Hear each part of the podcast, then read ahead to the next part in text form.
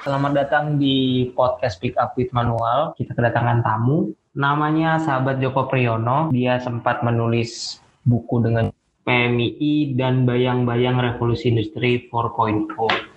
Nah, sebelum kita bahas lebih lanjut, nah kita sapa dulu narasumber kita. Halo, sahabat. Halo Mas, eh, perkenalkan nama saya Joko Priyono, asal cabang dari PMII Kota Surakarta dan sejauh ini masih menempuh pendidikan di jurusan Fisika kampus Universitas 11 Maret Surakarta atau UNS. Hutan lain dari Kota Solo lah ya. Uh, Surakarta itu bukannya tempatnya Mahbub Junaidi dulu diasingkan ya? Oh betul. Uh, masa kecil Mahbub Junaidi mulai tahun 46 sampai 48 itu kan di kota Solo. Karena pada waktu itu kan bapaknya Mahbub Junaidi ya Iya, iya, iya, ya, Haji Junedi itu kan jadi ketua semacam MUI di masa itu kalau nggak salah. Kan kebetulan kantornya di Solo waktu itu. Yang gua searching sih, sahabat Joko Priyono ini produktif banget buat nulis.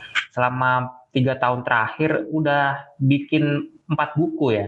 Ya kira-kira empat buku lah. Ya itu iseng-iseng aja, sahabat. Nah ya. Karena bisanya nulis kan. Oh. bagus lah. Nggak banyak yang bisa iseng-iseng nulis ya. Nah uh, revolusi industri 4.0 uh, perbincangan ini lagi naik-naiknya di kuartal pertama tahun 2019 kita akan bahas dari buku yang ditulis sama sahabat Joko Priyono ini.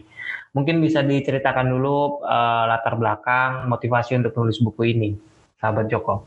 Ya terima kasih. Kalau secara latar belakang sih eh, apa ya buku ini tidak lain adalah kumpulan tulisan yang saya tulis tahun 2016 sampai 2019 jadi kurang lebih tiga tahun. Dan itu tulisan-tulisan itu memang ya tidak lain merupakan perjalanan saya ya menjadi bagian aktivis PMI yang kemudian ketika masa-masa akhir tahun 2019 terpikir untuk dijadikan sebuah buku begitu. Jadi memang secara oh, umum okay.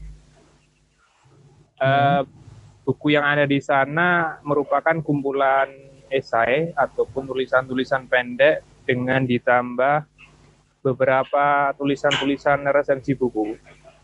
Yang bagi saya sih hmm. itu menarik ketika memang dijadikan sebuah diskursus di PMI, kemudian saya berikan judul PMI dan bayang-bayang revolusi industri 4.0. Dan selain itu memang judul yang saya gunakan di dalam buku ini juga merupakan salah satu tulisan yang pernah saya tulis eh, PMI dan bayang-bayang revolusi industri 4.0. Dan memang uh, alasan alasan-alasan lain itu kan ketika kita berbicara mengenai gerakan-gerakan PMI, saya kira penting bagaimana upaya untuk menuliskan bagaimana dinamika maupun perjalanan dan perkembangan PMI itu menjadi sebuah tulisan agar memang ya diskursus maupun wacana di PMI itu tidak menghilang dengan begitu saja. Saya kira itu, Mas. Tapi dari uh, tiga tahun menulis ini, apa yang yang menjadi pokok utama kemudian dituangkan dalam buku itu? Uh, yang menjadi pokok saya kira adalah bagaimana PMI itu dimanai sebuah organisasi yang ini ya fleksibel dan dinamis begitu ya terhadap perkembangan zaman. Karena kan tidak terlepas bagaimana kaidah fikih yang ada di PMI itu kan al mukhafadatu ala qadimi soleh wal akhdu bil jadil aslah atau merawat tradisi lama yang baik dan menerima tradisi eh, tradisi baru yang lebih baik lagi begitu ya dan diskursus seperti era revolusi industri 4.0 dan society 5.0 itu saya kira itu bagian besar uh, isu makro yang juga perlu digarap PMI dan itu menjadi sebuah refleksi bersama bagaimana PMI itu mempersiapkan strata baik jangka pendek, menengah maupun panjang begitu.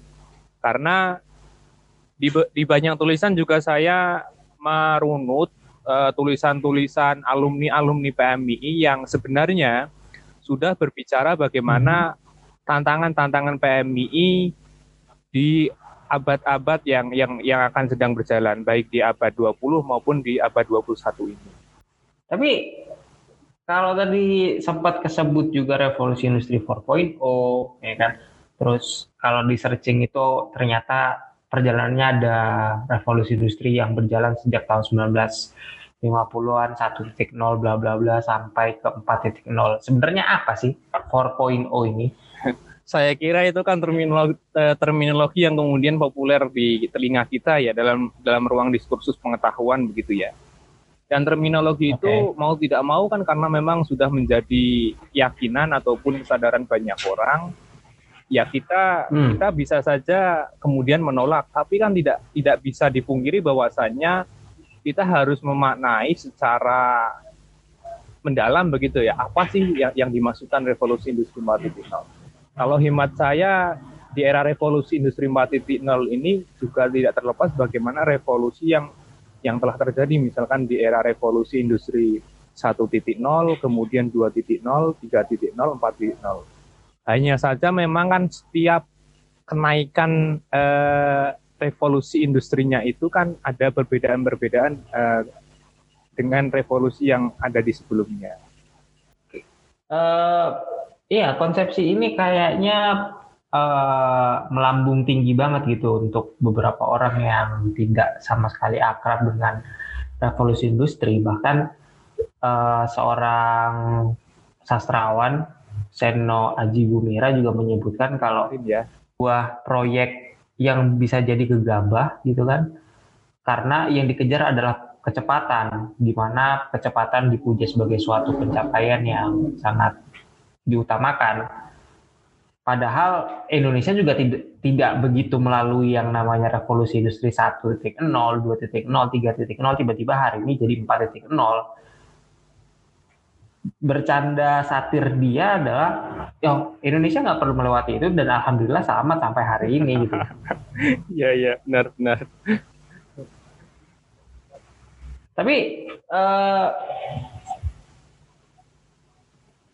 apa yang yang yang sahabat Joko tulis yang kira-kira sahabat Joko maksud sebagai bayang-bayang revolusi industri 4.0 itu? Ya kalau saya menarik sih bagaimana diskursus tentang perkembangan zaman ini yang yang jadi otokritik bagi PMI itu kan kita kerap kali memang kan tidak fleksibel ya artinya dalam dalam dalam menghadapi perkembangan zaman begitu ya. Artinya kita masih dihantui bagaimana budaya-budaya seperti budaya kagetan ya kalau bahasa Jawa itu kemudian gumunan. Hmm.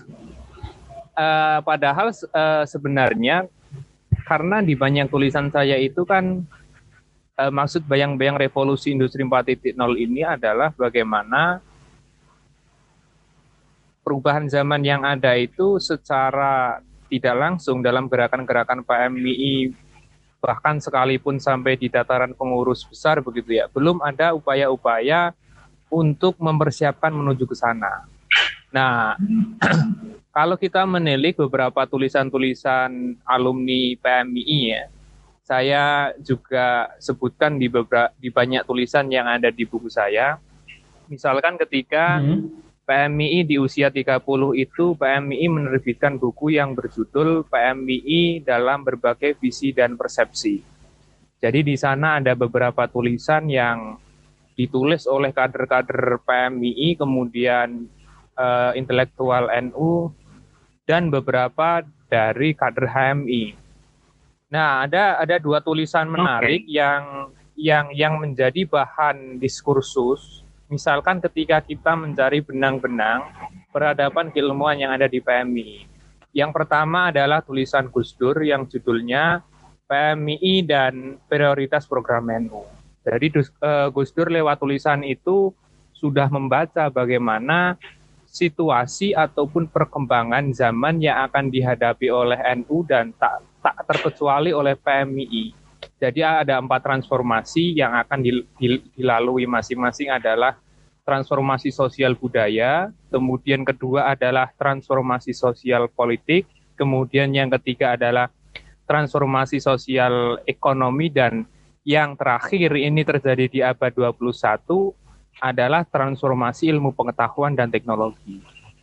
Karena kan revolusi industri 4.0 itu kan tidak terlepas bagaimana kemajuan-kemajuan yang kemajuan ilmu pengetahuan ya utamanya adalah sains dan teknologi yang kemudian kan kita uh, mengikuti pengertian-pengertiannya kan ada beberapa kelahiran-kelahiran seperti inovasi maupun teknologi di era revolusi industri 4.0 seperti kecerdasan buatan, kemudian Internet of Things, uh, blockchain dan dan lain sebagainya. Nah, sebenarnya di di PMI secara apa ya? Secara akumulasi pengetahuan sudah ada. Tapi hanya saja ini juga menjadi problem di kalangan PMI. Kerap kali kita kan tidak memahami bagaimana apa yang sudah ini ya, sudah menjadi bangunan-bangunan pengetahuan di PMI Apakah sahabat Joko mencoba untuk memproyeksikan kalau ya revolusi industri 4.0 itu sesuatu yang asing, besar gitu yang akan datang. Bahkan hanya berdiam diri, PMI udah masuk bayang-bayang aja gitu. Ya kalau secara secara pemanaan sih begini ya sahabat. E, jadi memang ya ini kerangka besar di era revolusi industri 4.0 tapi melalui apa ya uh, kita kita mulai perlahan membaca ke sana artinya kan kita di PMI itu kan sudah sudah tidak tidak patut dan tidak tidak berguna ya ketika kita hanya menggagas hal-hal yang bersifat makro begitu ya. Artinya memang hari ini hmm. kita diarahkan bagaimana kita berbicara mengenai hal-hal yang bersifat mikro. Misalkan saja di tantangan era revolusi industri 4.0 salah satunya ini ya misalkan di beberapa negara yang yang sudah ini ya yang sudah maju karena karena di Indonesia saya kira secara secara posisi negara juga belum siap ya kehadiran revolusi industri 4.0 misalkan adalah terkait mengenai okay. penggantian eh, beberapa pekerjaan itu dengan kecerdasan buatan nah ini ini ini misalkan uh, ini benar-benar terjadi di Indonesia apakah secara realitas masyarakat Indonesia apakah bisa menerima? Sedangkan misalkan hari ini kita melihat di banyak perguruan tinggi, setiap lulusan tiap tahun meluluskan uh, ribuan mahasiswa begitu ya, kan masih banyak yang menganggur. Bagaimana ketika revolusi industri 4.0 ini terjadi? Akan lebih banyak orang yang menganggur kan? Misalkan simpelnya itu. Maka kemudian kalau kita berbicara di internal PMI, eh, pola kaderisasi saya kira yang yang menjadi garis bawahnya ya adalah bagaimana salah satunya tugas besar adalah mengupayakan ya PMI itu multidisiplin. PMI perlu mencetak anggota maupun kader yang multidisiplin ilmu pengetahuan.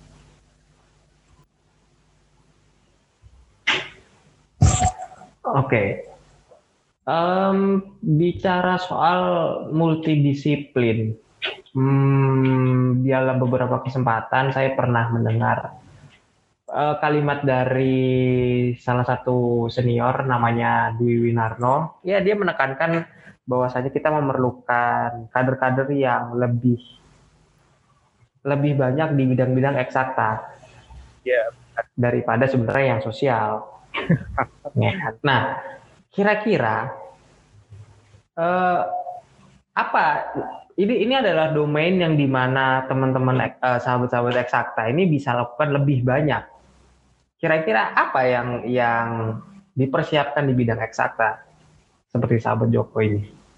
Uh, ini, problematika anu ya, yes kader yang ada di PMI ya.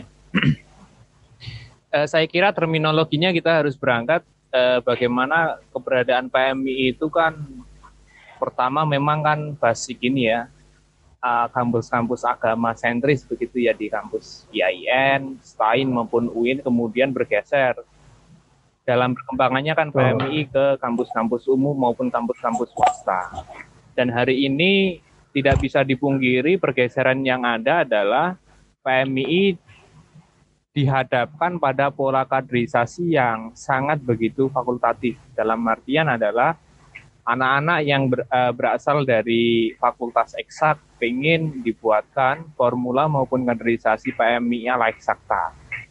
Pun juga mungkin sebaliknya di teman-teman sosum juga tidak akan kalah. Mereka juga peng, uh, menginginkan misalkan ada formula kaderisasi di di sosial humaniora.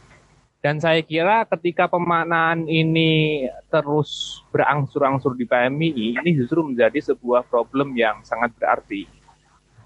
Dalam artian uh, karena memang uh, memang tidak bisa dipungkiri ketika kita berbicara mengenai ilmu kan di mulai abad 20 kan ya ada dikotomi keilmuan kemudian ilmu berkembang di banyak cabang ya ada cabang-cabang ilmu itu kita harus paham bahwasanya PMI itu sebagai sebuah keutuhan antara satu yang bersambung dengan dengan yang lain. Jadi memang perkara misalkan bagaimana membuat formula kaderisasi PMI eksakta, jangan sampai eh, yang menjadi eh, menjadi perhatian adalah jangan sampai membuat dikotomi di dalam PMI itu sendiri. Saya kira kalau memang ini menjadi sebuah kesadaran bersama, PMI di masing-masing level ya, baik dari level terbawah itu rayon sampai di PB bisa membuat gerakan ataupun strata berbicara mengenai perkembangan zaman hari ini. Dan saya kira hari ini memang di sahabat-sahabat, terutama di sahabat-sahabat di kampus umum, masih terjebak situasi itu. Perdebatan yang tidak selesai akan bagaimana mencari formula ideal di dalam sebuah kaderisasi PMI. Kan, kan justru malah melahirkan banyak masalah kan ketika ketika kita disibukkan dengan urusan urusan internal sedangkan di teman-teman gerakan lain sudah berpacu ke banyak tahap yang ada di luar sana kan? Masalah dikotomi. Uh, justru hari ini mungkin kalau eh inilah yang yang sebenarnya juga menjadi sebuah pertanyaan yang tidak perlu tuntas sebetulnya dan karena memang harus terus dipertanyakan sebagai salah satu orang seorang kader yang ada di bagian urban mendekati pusat gitu kan. Pusat kekuasaan. Seakan-akan PMI itu baik-baik saja dengan jumlah kader yang begitu masif, lain sebagainya, bla bla bla. Sementara uh, mungkin juga tidak terlalu mengerti bagaimana dinamika kaderisasi di wilayah yang semakin menjauhi kekuasaan, gitu, semakin jauh dari kekuasaan. Karena ini kemudian merujuk pada sebuah pertanyaan, uh, lebih dulu mana antara urusan ideal kaderisasi dengan penemuan kaderisasi yang bisa jadi tidak tidak diekspektasikan gitu. Oh, kalau saya um, apa ya um, meng mengidealkan begini. Jadi yang pertama adalah PMI itu uh, sebagai sebuah keutuhan yang tidak boleh kita dikotomikan ataupun kemudian tersekat-sekat ya. Misalkan PMI di Fakultas Soshum, Fakultas Eksak, atau bahkan kemungkinan nanti PMI membuat di setiap jurusan misalkan ya, anak rayon di setiap jurusan begitu. Kemudian yang kedua adalah bagaimana PMI punya sebuah gerakan yang itu mengidealkan bagaimana dia membaca perkembangan zaman atau merespon ya dinamika dinamika zaman itu ya. Dalam artian mengikuti perkembangan zaman itu kan dia jangan terlalu terbawa arus, sekali-kali misalkan membuat arus sendiri begitu ya. Artinya kayak misalkan kan hari ini misalkan di pandemi ini kan kita disibukkan dengan diskusi-diskusi online dan lain sebagainya ya. Semua semua lari ke sana begitu ya. Tapi tidak apakah ada yang menggagas bagaimana di platform media-media online itu juga berkepentingan misalkan mencari data begitu. Kan ini juga menjadi pertanyaan ya. Artinya memang kita perlu paham bagaimana ya PMI butuh misalkan membuat sebuah arus arus tersendiri misalkan ya anti mainstream dengan dengan yang lain gitu. Nah, kemudian ya, yang ketiga adalah persoalan bagaimana kita memahami perkembangan keilmuan dengan situasi maupun antropologi yang ada di setiap kampus. Uh, kalau saya menarik uh, menariknya sih begini antara kampus berbasis agama dan kampus berbasis umum. Nah, dua corak di kampus umum dan kampus berbasis agama itu justru dalam realitas antropologinya sangat begitu berbeda misalkan uh, saya beberapa kali mengikuti perkembangan atau bahkan riset kecil-kecilan begitu ya. Di anak-anak fakultas eh, di anak-anak kampus umum di Fakultas Eksak itu nalar bagaimana dia lebih minat kajian keagamaan, apalagi yang berbau-bau surga ya, itu lebih kuat ketimbang mereka misalkan mempelajari, mendiskusikan dengan isu-isu mengenai saintek dan lain sebagainya. Nah, ini sebenarnya uh, masalah mendasar bagaimana kebudayaan dalam tataran pendidikan kita itu uh, apa ya sudah sudah sudah terbentuk lama ini. Ini pernah dituliskan oleh salah satu mantan rektor Institut Pertanian Bogor ya Pak Andi Hakim Nasution ketika tahun 2001 itu menuliskan esai panjang yang berjudul Ketekunan yang Langka. Dari persoalan ketekunan, bagaimana kita mengkaji ilmu yang yang yang kita geluti di masing-masing fakultas maupun jurusan itu sangat begitu kecil. Jadi semangat misalkan beragama itu sangat begitu besar. Jadi tidak mengherankan ketika kadang memang gerakan-gerakan keislaman PMI itu di kampus umum ini masih kalah sama teman-teman sebelah kita, teman-teman kami.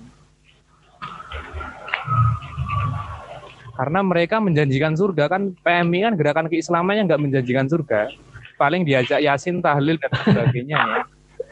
Nggak menjanjikan surga sama sekali itu.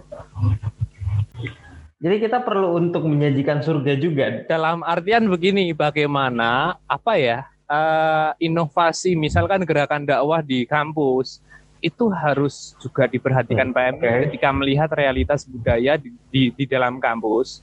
Uh, seperti itu. Karena kan PMI kan e, membawa dua dua apa ya dua kepentingan. Yang pertama adalah keislaman dan kedua itu kan aspek keindonesiaan. Nah, keislaman yang dimaksud dalam PMI kan yang berlandaskan alusunah wal jamaah. Nah, saya kira ya kalau teman-teman kampus di kampus umum ya ini yang notabene misalkan secara grafik itu kan anak-anak kelas menengah ke atas misalkan ya ya pada akhirnya PMI hanya akan mendapat anak-anak di golongan kelas menengah ke bawah yang rata-rata itu dari desa yang memang secara tradisi ya tradisi NU. Jadi mau misalkan ikut apa ya Yasin tahlil setiap malam Jumat selawatan begitu ya. Tapi gerakan itu belum tentu diminati oleh teman-teman yang barangkali ada ada teman-teman yang secara kalangan menengah ke atas itu tertarik pada PMI Apakah PMI sudah mempersiapkan gerakan itu? Saya kira belum. Misalkan di kampus saya di UNS itu juga belum ya. Rata-rata memang ya anak-anak kelas menengah ke bawah yang rata-rata juga itu anak-anak penerima uh, mahasiswa penerima bidik misi. Uh, kenyataannya seperti okay. itu. Nah, kembali ke revolusi industri 4.0. Uh, rencana ambisiusnya adalah mencoba untuk menggantikan seluruh kerja-kerja manusia di dalam pabrik di mana yang sebelumnya kita tahu ketika manusia itu hanya menjaga mesin untuk tetap berjalan, mengganti suku cadang, lain sebagainya. Kemudian masuklah di mana teknologi mesin pabrik itu diintegrasikan dengan sistem komputer dan semua tahap-tahap kerjanya itu diatur melalui sebuah teknologi informasi yang baru yang kita kenal sebagai artificial intelligence gitu kan. Kemudian beberapa keputusan-keputusan yang uh, karena otomasi otomatisasi sehingga beberapa level ahli itu juga tergantikan di situ. Yang kemudian di sisi lain justru perlu menambah uh, beberapa orang yang lebih ahli untuk mengurus bagaimana artificial intelligence itu tetap pada kondisi yang prima, ya kan?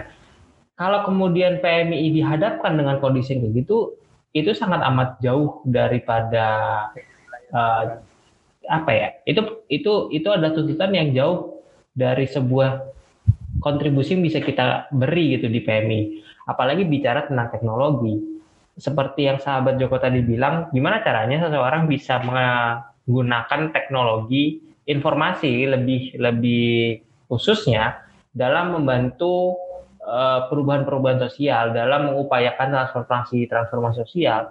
Toh kalau kemudian kita melihat fenomena belakangan ini hal yang paling sering dilakukan oleh masyarakat tanpa campur tangan pemerintah itu kan soal donasi ya kan?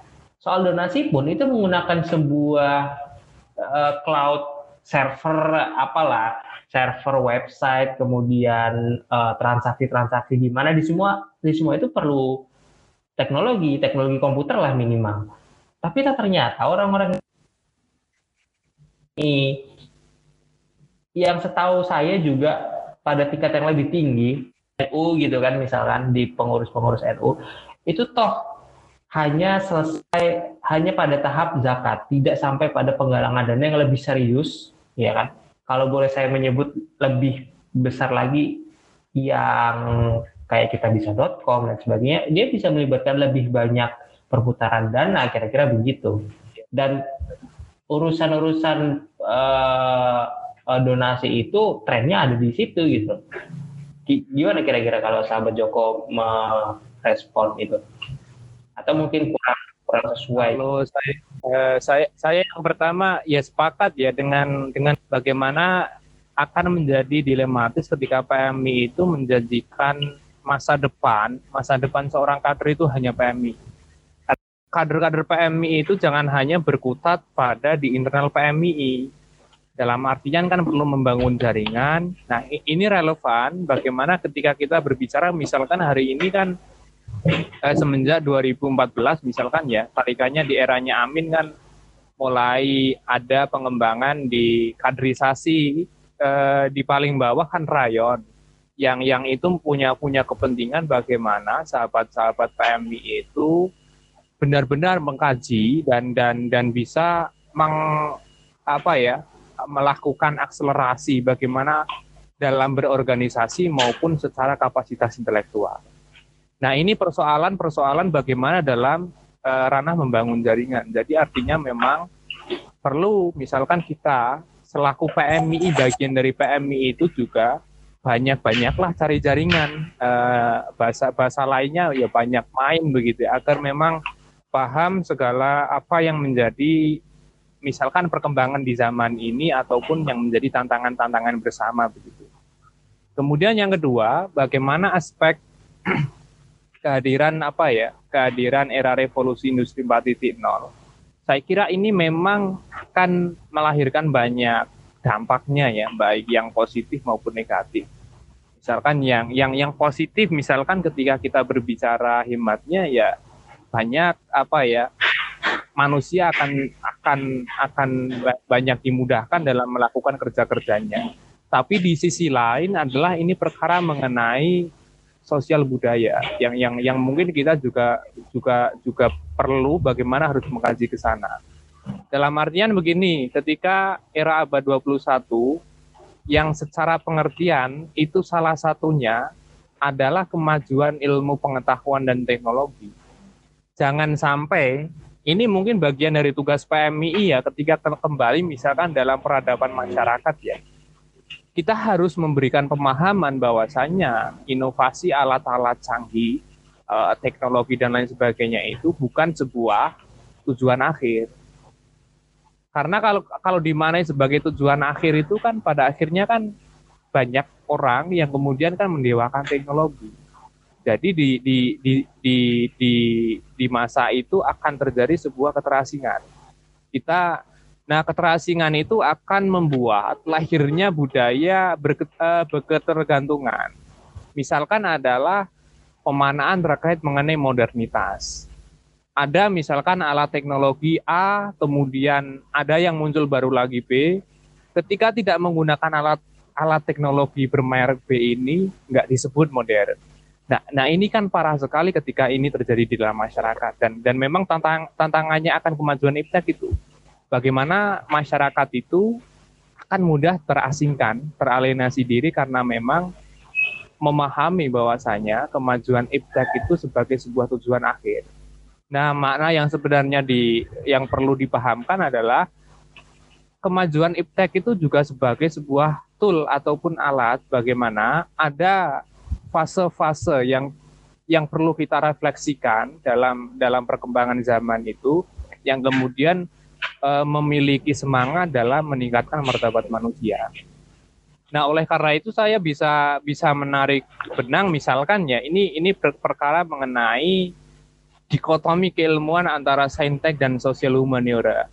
Ini bisa menemukan satu titik, misalkan ini di PMI saja, adalah bagaimana salah satu tugas kita bersama adalah menciptakan filsaf, uh, filsafat sosial, sosial filosofi, bagaimana dengan kemajuan iptek ini, uh, entah dengan era apa ya, peradaban apa, revolusi industri 4.0 dan dan lain sebagainya begitu ya. Tapi kita juga perlu bagaimana menggagas sosialnya. Dalam artinya sosial budaya ber, berbicara mengenai masyarakat secara umum. Nah itu titik temu bagaimana saintek dengan sosial humaniora. Saya kira itu. Saya menangkapnya itu adalah hal-hal yang yang umum kira-kira begitu kan.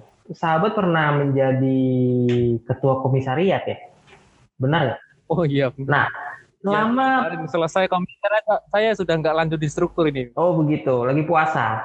Ya, saya, saya, saya memilih jalan sunyi di BMI ini. Kira-kira selama di proses proses komisariat itu, karena saya saya salah satu kader yang memak percaya kalau untuk menjawab kebutuhan-kebutuhan pengembangan kader itu tidak terlalu memerlukan struktur di atasnya dalam artian informal maksudnya. Kalaupun formal ya Betul. perlu membutuhkan struktur di atasnya. Dalam pengertian informal itu enggak, itu harus berasal dari inisiatif pengurusnya, kemudian apa yang menjadi kebutuhan daripada orang-orang yang direkrut dan harus dirawat. Nah, selama sahabat Joko Priyono ini menjadi seorang ketua komisariat itu apa yang yang per hari ini itu harus dilakukan dan dulu pernah dilakukan mungkin mungkin bisa cerita gitu. Ya setiap zaman biasanya kan kita itu kan punya sebuah ekspektasi yang besar betul. Ya. Misalkan di di level di setiap level ya rayon komisariat eh, cabang maupun PKC ataupun PP begitu. Tapi hanya saja eh, apa ya memang eh, saya menangkap bahwasannya kalau kita uh, men apa ya kita itu menuliskan sebuah ekspektasi uh, alangkah lebih baiknya kita juga harus beli paket sekalian dengan paket kecewanya. Karena ketika ekspektasi ini tidak tidak ini ya tidak terrealisasi kita kan misalkan dihadapkan pada oh ekspek apa ya kekecewaan kekecewaan mungkin tapi kan itu kan sebagai sebuah ini saja ya. Yang penting kan kita misalkan sudah pernah Iya, bagian ini kan bagian bagaimana merawat dan merawat PMI itu sendiri. Tapi yang yang menjadi uh, persoalan lain yang yang kemudian harus di, dijadikan apa ya pemahaman bersama bahwasanya ya setiap zaman itu ada ada hal-hal yang mungkin menjadi kelebihan-kelebihan maupun ada kekurangannya kan harapan harapan kita misalkan kepada generasi di bawahnya itu kan bagaimana uh, menjawab misalkan ya kekurangan-kekurangan yang ada di sebelumnya. Dan dan dan kelebihan-kelebihan ataupun yang menjadi hal-hal baik itu diteruskan. Ya kalau saya hematnya ya PMI ya tadi merawat tradisi lama yang baik kemudian menerima tradisi baru yang lebih baik lagi. Tradisi-tradisi lama itu kayaknya tradisi-tradisi lama itu ya nggak terlalu terganggu gitu dengan dengan tidak terlalu terganggu dengan PMI yang katakanlah satu dua orang tidak terlalu membicarakan itu gitu karena semua orang sudah membicarakan itu sehingga membuat karakter PMI se Indonesia itu sama gitu. Nah eh, terjadi nggak sih di di di Solo gitu beberapa orang yang berpikiran untuk menggunakan teknologi eh, membantu untuk kira-kira membaca, uh, membaca apa sih kebutuhan daripada kader-kader di sana. Jadi tidak lagi manual yang sekedar ngobrol tempat kopi atau lain sebagainya gitu kan mencoba untuk mem membuat inovasi tertentu dengan menggunakan teknologi. Saya kira kalau pertanyaan itu ketika dihadapkan pada di Solo, saya kira belum dalam artian begini, uh, ketika kita berbicara, jadi sebenarnya kan uh, Solo itu kan termasuk ini ya, salah satu cabang tertua di Indonesia karena kan dua deklarator itu kan dari Solo Kiai Haji Nurul Huda dengan Kiai Haji Laili Mansur ya. yang berasal dari kota Solo. Tapi hanya saja memang di level nasional sampai sekarang Solo itu di luar di luar Solo itu disebut sebagai cabang yang istimewa. Tapi sebenarnya nggak nggak ada istimewanya itu. Oke. Okay pada akhirnya kemudian kita itu dihadapkan pada sebuah apa ya nostalgia bagaimana situasi uh, romantisme. Jadi memang misalkan Solo uh, di, di di zaman 90-an itu terkenal dengan gerakan intelektual dan gerakan advokasi masyarakat. Tapi kemudian pada pembahasan di level-level hari ini uh, kerap kali memang kita terjebak dalam situasi itu romantisme dan nostalgia. Artinya ya kita ya masih masih tradisi-tradisi seperti ini. Kita misalkan hanya diskusi uh, apa ya ngajak kader apa di warung kopi dan lain sebagainya, tapi pada akhirnya diskusi sampai satu hari satu malam berakhir di jam subuh karena jam tidurnya anak-anak PMI ya pada akhirnya yaitu nol kembali Nah, ini mungkin paradigma yang bagaimana kita harus ubah dalam situasi perkembangan zaman hari ini. Ya, saya kira tradisi-tradisi PMI yang ke, yang kemudian hanya menjadi apa ya? Uh, agitatif berbasis lisan itu sudah tidak laku lagi begitu di PMI. Dalam artian begini, uh, bagaimana obrol kita itu uh, perlunya meningkatkan obrolan-obrolan yang berkualitas begitu ya. Dari malam sampai jam subuh itu masih belum berkualitas. Ya terkadang memang ya ya tadi situasi-situasi ini nggak nggak ada arahnya begitu ya ngalor gidul begitu. Artinya memang ya ya paradigma hari ini kita harus berbicara bagaimana uh, meningkatkan obrolan itu menjadi obrolan yang berkualitas. Ya artinya obrolan itu kemudian ada implikasinya kan. Apalagi yang ingin disampaikan dari buku uh, yang sahabat tulis itu? Ya kalau secara ini ya, selain berbicara mengenai ini, ya memang secara umum itu saya berbicara bagaimana dinamika dan tantangan ya, yang yang mungkin ini juga bagian menjadi eh, apa ya tantangan di PM itu sendiri. Kemudian selain itu memang saya merunut sejarah dan kebetulan memang ini besok Kamis itu saya mengagendakan diskusi bersama salah satunya memang Bang Dwi Winarno. Ya. Sampai kalau nanti longgar bisa saja ikut. Insya Allah. Nanti uh, saya saya punya konsep bagaimana uh, ini sih bagaimana meningkatkan tradisi literasi yang ada di PMI karena saya punya punya konsep bagaimana pasca diskusi itu kita akan menyusun buku bersama kader-kader PMI se-Indonesia yang sekiranya mau begitu ya, dengan tenggang waktu sampai tanggal 17 Ramadan, dan bukunya nanti akan diterbitkan dan uh, hasil keuntungan itu akan kita donasikan. Nah ini kemarin sudah saya bicarakan dengan narasumber-narasumber yang ada, dan dan dan diskusi akan dilaksanakan hari Kamis itu ya itu mungkin yang yang yang menjadi kepentingan saya bagaimana tradisi literasi yang ada di PMI karena banyak tulisan saya juga menekankan bahwasanya kita itu kan kerap dihantui tadi kuatnya tradisi lisan ketimbang tradisi tulis menulis.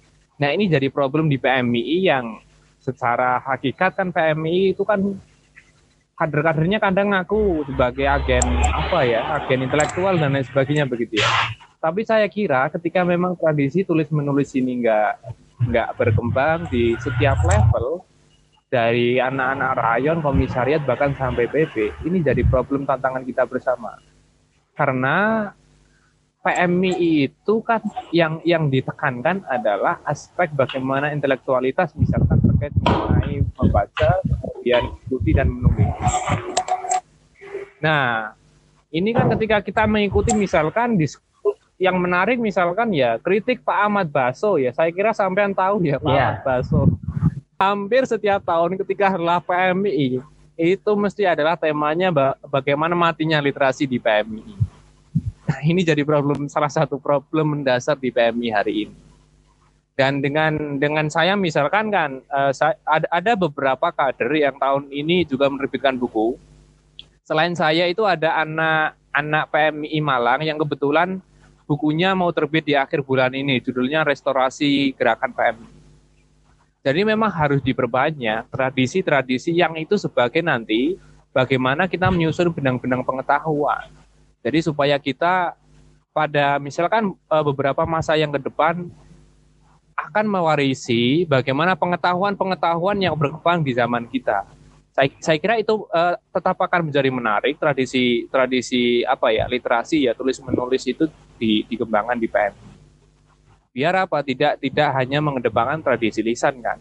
Kalau Pak Fauzan Alfas itu kan uh, apa ya sampai menyebutnya begini Eh, di, di PMI itu kebanyakan itu kader-kader bilisan dan kader-kader kacang ya. Kader kacang ini uh, apa ya? Uh, kakean cangkem gitu. Jadi banyak omong tapi tidak tadi, tidak berkualitas dan tidak tidak tidak ada isinya. Kan? Saya rasa uh, perbincangan kita cukup biar kita bisa bikin serial podcast siap, lain lagi gitu kan kira-kira. Mungkin uh, bisa dikasih sambut. tahu ke sahabat ya, uh, sahabat-sahabat yang lain gimana caranya biar bisa beli buku sampean kalau terkait mengenai buku saya kira ini ya karena ini uh, yang yang belum saya sampaikan tadi ini terkait tadi uh, saya selesai struktur di komisaria di tahun akhir tahun 2016 okay. kemudian tidak tidak berlanjut di struktur karena saya kira memang di PMI itu tidak hanya berkaitan mengenai struktur tapi juga uh, kultural begitu ya. Saya banyak ber, belajar dengan jaringan-jaringan kultural yang ada di PMI, bahkan di di Jawa Tengah, di Jawa Timur ya, Jawa Barat pun uh, sudah sudah tertata itu jaringan kultural. Uh, kemudian menginisiasi pendirian ini penerbit. Jadi memang ya sebenarnya penerbit itu kan namanya buku revolusi logonya itu biru kuning karena memang saya juga membawa ideologi PMI begitu ya. Saya tidak saya tidak peduli nanti itu di diklaim ataupun apa ya disebut PMI banget ya memang itu itu ya itu PMI begitu ya. Artinya memang ini sebagai salah satu apa ya langkah saya yang mungkin ini jadi bagian gerakan yang ada di PMI itu sendiri. Dan saya kira nanti teman-teman barangkali berminat ya bisa apa ya dikunjungi Instagramnya di Buku Revolusi. Nah itu perbincangan kita uh, dalam serial podcast ini, sahabat-sahabat. Jadi kesimpulannya silakan tarik sendiri, kita nggak bakal simpulin. Nah uh, silakan dengarkan podcast di episode-episode selanjutnya.